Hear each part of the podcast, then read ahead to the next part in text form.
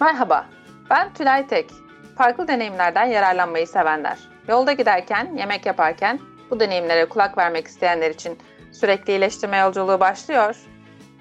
Bugün konuğumuz Can Yükselen. Kendisiyle şahsen değilse de LinkedIn üzerinden yazılarını e, takip ediyorum, paylaşımlarını takip ediyorum. Çok beğenerek takip ettiğim yazılardan bir tanesiyle aslında podcast yapabileceğimize dair bir izlenim oluştu bende. Sağ olsun o da kırmadı beni geldi. Merhaba Can Bey. Merhabalar. Nasılsınız? İyiyim, teşekkürler. Sizleri sormalı. İyiyim ben de, sağ olun. Kısaca biz sizi tanıyabilir miyiz? Gerçi tanıyanlar çoktur ama tanımayanlar için de en azından sizi biraz tanıyabilir miyiz? Tabii tabii. Ben Can Yükselen. 1987 Eskişehir doğumluyum. İstanbul macerama üniversite yıllarıyla birlikte başladım. İstanbul Teknik Üniversitesi makine mühendisliğinden mezun olduktan sonra hatta mezun olmadan önce endüstri mühendisliğine merak sardıktan sonra yolum hem işte üniversite yıllarında Toyota ile kesişti. Orada uzun dönem bir proje e, çalışmasının içerisinde Yalın'a ve Toyota üretim sistemine bir nevi aşık oldum diyebilirim. Bu süreçten sonra da üniversitenin son yıllarında üniversitede gidip endüstri mühendisliğinde meraklı bir öğrenci olarak dersleri dinlememle iyice e, bu işin içine girmiş oldum. Sonra yüksek lisansla da Galatasaray Üniversitesi Endüstri Mühendisliğine e, kazanınca e, artık benim için makine mühendisliğinin yanında endüstri mühendisliği macerası da başlamış oldu. Tabii tüm bu süreçte de yine Yalın Enstitü Başkanı Yalçın İpbüken'le bir seminerde tanışmamızla da Yalın Enstitü ile yollarım kesişmiş oldu. O gün bugün 12 yılı bitirdik. Yalın Enstitü'de devam ediyorum. Eğitmen ve danışman olarak. Bu tarafta tabii danışmanlığın yanında e, akademik kariyerimi de sürdürmeye gayret ediyorum. Bir yandan işte doktora öğrenimimi devam ettiriyorum. Üniversitede bir dönem Operations Management ve yalın üretim konusunda dersler verdim. Hem Özyeğin Üniversitesi'nde hem Marmara Üniversitesi'nde. Sonrasında da tabii firmalarda yaptığımız uygulamaları, deneyimleri aktarmak için 2012 yılında e, sizin de bahsetmiş olduğunuz yalındanışman.com blog sayfamı açtım. Bu blog sayfasında belirli periyotlarla yazılar yazmaya, paylaşmaya gayret ediyorum. Deneyimlerimi paylaşmayı seviyorum. Yazmayı da çok sevdiğim için e, hobimle işimi birleştirmiş oldum bir anlamda. E, bunun yanında işte eğitsel oyunlar, uygulamalar, uygulamalı eğitimler tarafında da yine ilgi alanım var. Danışmanlığın yanında bu eğitimleri de sürdürüyorum. 2012'de ve 2018'de de Japonya'da hem ileri seviye üretim yönetimi programı ve Toyota yönetim sistemi sertifikasını aldım. 2018'de Toyota'dan mühendislerin oluşturduğu bir Toyota Engineering Corporation'dan Toyota Management System Grade 4 sertifikasına sahibim. Bu sertifikaya sahip Türkiye'deki ilk ve halen e, tahmin ediyorum tek danışmanım halen. Bu konuda ilgili olanlara da tavsiye ederim böyle bir programa katılmalarını. Aynı zamanda da hem ulusal konferanslarda hem de uluslararası konferanslarda çalışmalarımı, yaptıklarımı sunmaya gayret ediyorum. Tabii pandemi döneminden birazcık sekteye uğrasa da bu durum. Faaliyetlerimi bu şekilde yürütüyorum. Kendimi böyle tanıtabilirim kısaca. Teşekkürler. Şimdi biz sizinle bugün öneri sistemi üzerinden biraz konuşalım dedik. Bu fikir de aslında sizin yazılarınızdan bir tanesinde tweet ile şirket kültürünü sorgulamak diye bir blog yazısından ortaya çıktı. En azından bende öyle bir his uyandı. Hı hı. Öneri sistemi nedir? Önce o öyle başlasak. Öneri sistemi nedir? Nasıl bir yapıdan bahsediyoruz? İçinde ödül mü oluyor, olmaz mı? Ceza oluyor mu? Nasıl bir yapıdan bahsediyoruz tam olarak? Evet, kesinlikle bu ödül konusu, ödül sistemi konusu firmalar için tam bıçak sırtı konulardan biri eğer e, sağlıklı kurgulanmazsa, sağlıklı da uygulanmazsa çok ciddi suistimallere sebebiyet verebilecek bir konu. Tüm bunların yanında iyi kurgulandığı zaman da şirketin yalın dönüşüm yolculuğunda ve iyileştirme yolculuğunda kendisine çok ciddi katkılar, faydalar sağlayacak da bir konu. O yüzden gerçekten incelenip sık dokun, dokunulması gereken bir yapısı var öneri sisteminin. Burada tabii öneri sisteminin nasıl kurulacağı böyle tek bir çok e, net structured bir yapısı yok. yani çerçevelenmiş bir yapısı yok. Her firmanın e, kendi dinamiklerine göre şekillendirilmesi gereken bir sistemi var. Ancak bir gerçek varsa ki bütün öneri sistemlerinde olması gereken bunun çalışanla şirket arasında bir ticari ilişkiye dönüşmemesi. Yani burası bir öneri sistemindeki bana kalırsa en önemli nokta. Eğer siz öneri sistemi kurarak e, çalışanınızla onların fikirleriyle ilişkili bir ticari ilişkiye döndürürseniz bu yapıyı daha sonra gerçekten onarılamaz yaralar ya da kültürel hasarlar oluşturabiliyor işletmede. Bu tarafa çok dikkat edilmesi gerekiyor öncelikle. Bunun yanında da tabii öneri sistemi kurarken de bir kapsamlı bir ekiple değerlendirilmesi gerekiyor. Böyle ifade edebilirim. Evet, şimdi siz bunları belirttikten sonra bazı firmalarda karşı karşıya geldiğimiz sorular, sorunlar var. Örneğin bazı firmalarda şunu söylüyor yönetimdeki arkadaşlar. E biz zaten işte uygun gördükçe aradan seçtiğimiz kişilere belli miktarlarda paralar veriyoruz. Tamam bu belli miktarlarda paralar nedir mesela diyoruz. Hani neye göre belirliyorsunuz? İşte bakıyoruz diyorlar hani işte 10 bin liralık bir kazançsa ya da bir kalite performansını iyileştirdiyse o zaman gönlümüzden ne koparsa gibi yorumlar alabiliyoruz. Ya da biz bunu daha önce uyguladık, ödüller verildi, para ödülü oldu ya da farklı seçenekler sunuldu, onlar içerisinden seçildi. Bu şekilde ödüller de verildi. Şimdi benim burada iki tane aslında sorum olacak size. Şöyle sorabilirim. Bir tanesi ilk örnekteki gibi iyi niyetli yaklaşımlar. Ya yani biz gerekli gördükçe bakıyoruz işte fırsat buldukça bunu yapıyoruz diyenler var. Hı hı. İyi niyetli yaklaşımlarla e, siz de yazınızda belirtmişsiniz işte iyilikten maraz doğar mı ya da benim yorumumda cehenneme giden e, yol iyi niyet taşlarıyla örülüdür gibi. bir iyi niyetle böyle bir süreci devam ettirmek doğru mu? Yanlış mı? Eğer işte doğruysa yanlışsa neden? İkincisi de böyle bir sistem eskiden kullanıldı ve başarısız olunduysa onu devam ettirmek için ya da yeniden böyle bir sistem kurmak için sizin öneriniz ne olur? Çok güzel. Burada e, çok teşekkür ederim. Çok önemli noktalara parmak bastınız. Şimdi iyi niyetli yaklaşım tarafında işte gönlümüzden ne koparsa vesaire biz çalışanları bir şekilde gözetmeye çalışıyoruz dediğinizde aslında işte bu benim yazıda da belirttiğim iyilikten maraz doğma durumunu doğurma ihtimaliniz olabiliyor. Çünkü aslında hep bizim yine yalında da söylediğimiz standart yoksa iyileştirme yok, standart yoksa problemler de görünemez oluyor dediğimiz nokta burası.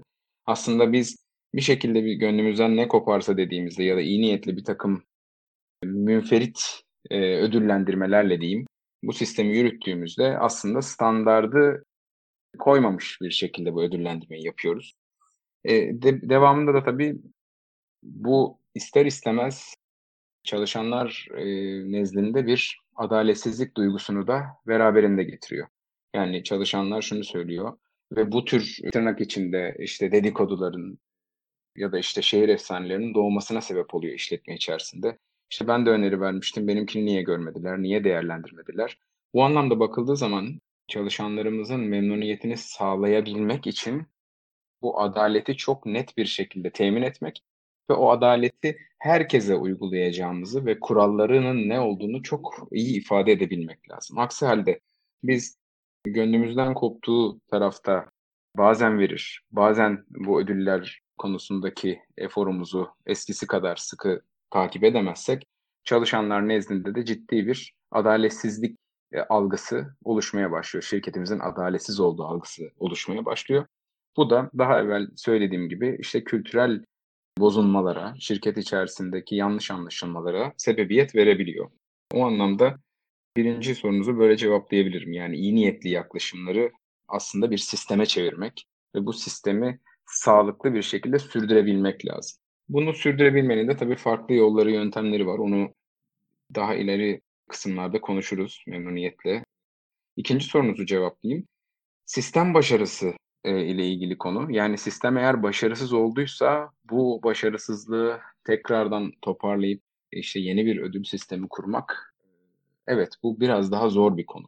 Yani Bu yalın dönüşüm e, çalışmaları için de işletmede geçerli. Eğer başarılı bir yalın dönüşüm ve henüz yani henüz bir yalın dönüşüme başlamamış bir işletmede yalın dönüşüm faaliyetlerine başlamak hani taze bir başlangıç, sıfır bir başlangıç çok daha kolay olabiliyorken yalın dönüşüm faaliyetlerini yürütmüş ama başarısız olmuş bir miktar e, öğrenilmiş çaresizliğe sahip firmalarda yalın dönüşümü yürütmek ne kadar zorsa ödüllendirme için de aslında aynı şey geçerli. Yani bir şekilde bir ödüllendirme yapılmış zamanında firmada iyi niyetlerle dediğiniz gibi örülmüş Evet. taşlarla yapılmış Evet. bu.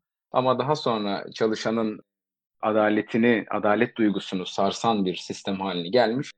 Siz böyle bir noktada e, gerçekten çok daha iyi e, bir şekilde sistemi kurgulamanız lazım. Hatta hatta daha öncesindeki tüm başarısızlıkları, eksikleri aslında ortaya koyup aynı Kaizen mantığındaki gibi mevcut durumu bir ortaya koyup bu sistemin işlememesindeki problemler neler? Bunlara bakarak sistemi yeniden ele almak gerekiyor. Evet. Peki çok önemli bir şeyden bahsettiğiniz aslında hem yalın için hem değiştirmeye çalıştığımız ya da dönüşmeye çalıştığımız neyse onu sürdürebilmek için bir sistem olması ve bunun sürdürülebilirliğinin sağlanması çok önemli. Sürdürülebilirliği sağlamak için öneri sistemin olmazsa olmazları tabii ki firmadan firmaya değişkenlik gösterebilecek noktalar olacaktır. Ama bu olmazsa olmaz diyeceğimiz konular nelerdir? Ödül öneri sistemi kurgularken. Mesela yöneticilere bir şeyler düşüyor mu? Ya da çalışanlardan beklentimiz nedir bu konuda?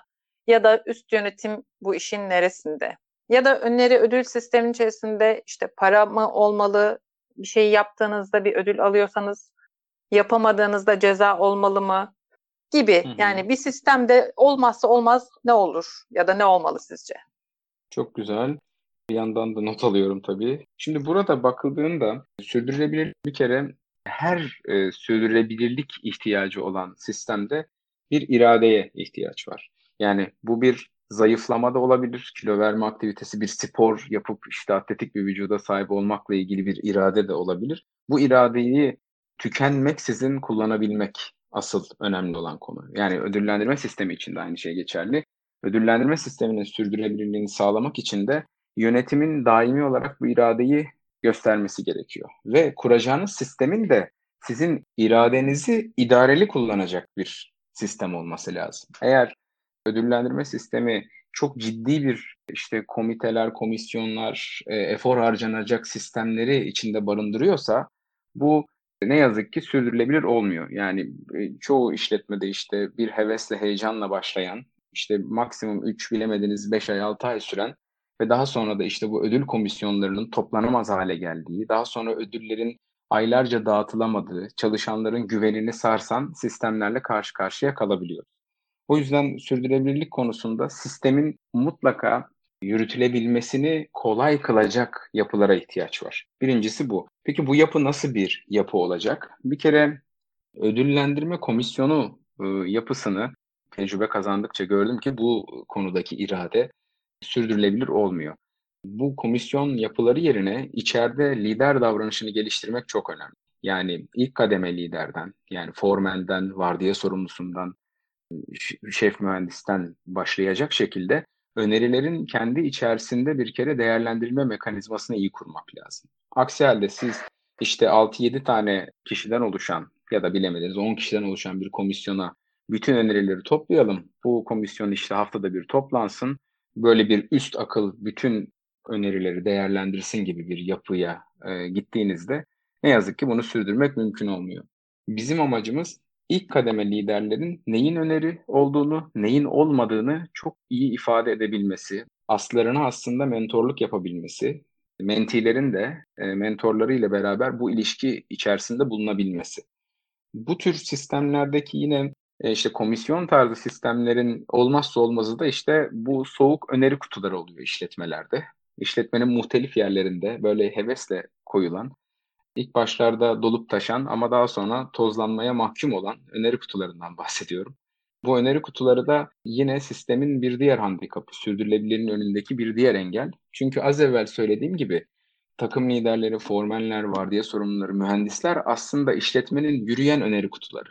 Bizim bu yapıyı bir kere oluşturabilmemiz lazım. Yürüyen öneri kutularını yaratabilmemiz ve o öneri kutularının gerekli önerileri süzüp gerekli önerileri tekrar değerlendirmek üzere mentorluk vasıtasıyla geri, geri çevirebilmeyi bilmesi lazım. O yüzden yaşayan, yürüyen öneri kutularına ihtiyacımız var. Sürdürülebilirlik için temel olarak çizeceğim çerçeve bu olur. İkincisi para mı olmalı ödül yoksa başka bir şey mi olmalı? Bu da yine en işte bıçak sırtı ince çizgilerden biri aslına bakılırsa. Ödül sistemindeki para ödülü bence çok riskli bir konu. Dediğim gibi işi ticari ilişkiye dönüştürebilecek kadar riskli bir konu. Evet. Para ödülü. Çünkü e, çalışan şöyle düşünüyor. Yani siz diyelim bir sistemi kurdunuz, başladınız. Dediniz ki işte şu Kaizen'e küçük altın veriyorum. Bu Kaizen'e işte şu kadar para veriyorum. Ondan sonra böyle bir ortamda siz eğer yeri gelir bu yapıyı değiştirdiğiniz noktada da bu sefer e, başlayan kaizenler hani ilerleyen, büyüyen, yükselen kaizen adetleri daha sonra ya da kaizen öneriler her neyse yani bütün bu faaliyeti destekleyen e, aktiviteler diyeyim. Zaman içerisinde tam tersine dönüşmeye başlıyor. O para mı yok o zaman benden de kaizen yok. Kaizen vermiyorum. Madem para yok kaizen de yok noktasına dönüyor. E tabii şimdi durum böyle olunca da iş net bir şekilde ticari ilişkiye dönüyor. Bizim burada e, neye öneri verilir, neye öneri verilmez önce bunun bir sınırını çizgisini çizmemiz lazım. Bir de işin aslında para için değil, gerçekten kendi işimi iyileştirdiğim için e, verilmesi gereken bir öneri olduğunu bilmem. Yoksa e, dilek temenniden öteye geçemeyen öneriler oluyor. Burada yapılması gereken en önemli şey benim işimi daha iyi hale nasıl getiririm? Bana iş katkısı sağlayacak olan öneriyi nasıl veririm? Bunu düşünmesi lazım çalışanların.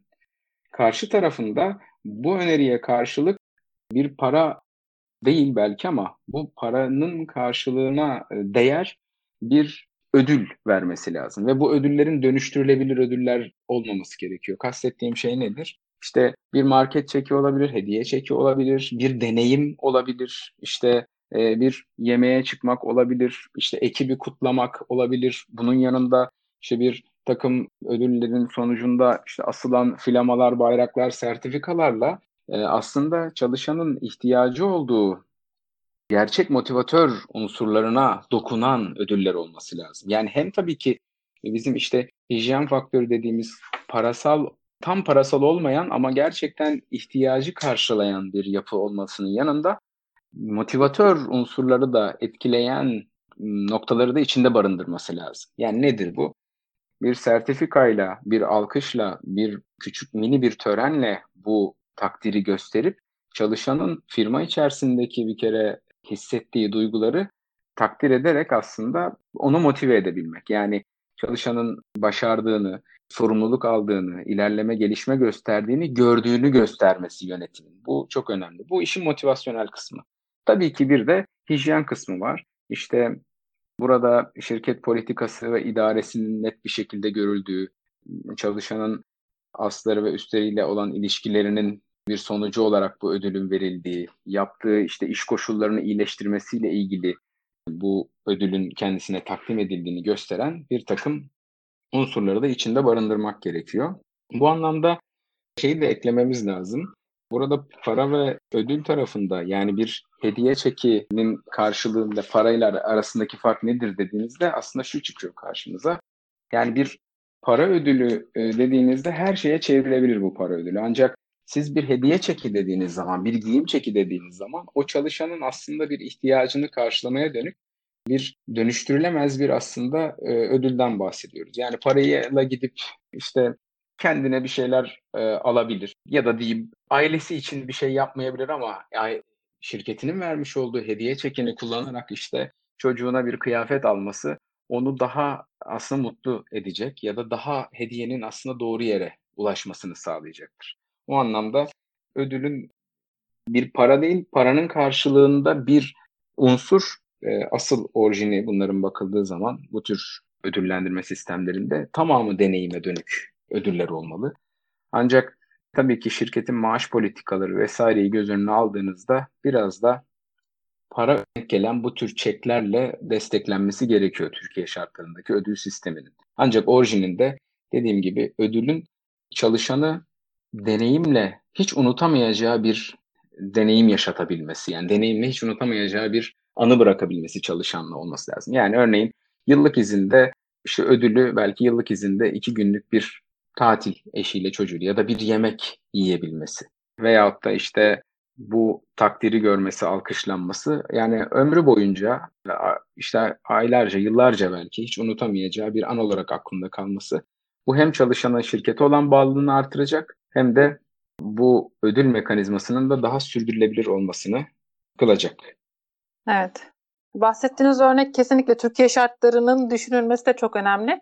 Bu Orhan Gazi'de Bursa'da bir firmada öneriyle ilgili işte ödüller neler olabilir konusu konuşulurken gündeme gelmişti. Hı hı. Bursa'da bir yerle anlaşılıp ailesiyle birlikte çalışanlar diyelim ki dört kişilik bir aile. Dört kişi olarak gidecekler, yemek yiyecekler. Akşam yemeği ya da işte sabah kahvaltısı olabilir. Böyle bir yapı düşünüldü. Orada şu gündeme geldi. Yani insanlar işte Bursa'ya nasıl gidecekler? Otobüste gittiklerinde oraya yakın bir şey olsun ya da işte metro ile ulaşıp sağlayabilecekleri bir yer olsun. Ama oraya bir de yol parası verecekler. O yol parasını da bunun içinde düşünmek lazım mı? Çünkü oradan oraya gitmek için bir de hani yol parası neredeyse emek parasına eşit miktar tutacak. Yani hmm. bir ödül vereceksiniz ama bu insanlar için ödül değil de ceza haline de gelebiliyor. Onu da düşünmek lazım. Hakikaten Türkiye şartlarında bir şey yapmaya çalışırken hani kaş yapayım derken göz çıkarmamak lazım. Söylediğiniz şey bu irade kısmına kesinlikle de katılıyorum. Ben bunu şöyle ifade ediyorum. Gücünüz kaynağınız şu anda neye yetiyorsa onu yapın. Gönül hep şey istiyor. Olmuşken en iyisi olsun, mükemmeli olsun. İşte hem öneri sistemi kurulurken hem yalın dönüşüm çalışmalarında her şeyi yapalım. Ama sizin elinizdeki kaynaklar, kısıtlar belli aslında. Neyi yapabileceğiniz, işte her hafta o komisyon toplantısını yapabilecek misiniz? Ya da her sabah o sabah toplantısını yapabilecek misiniz?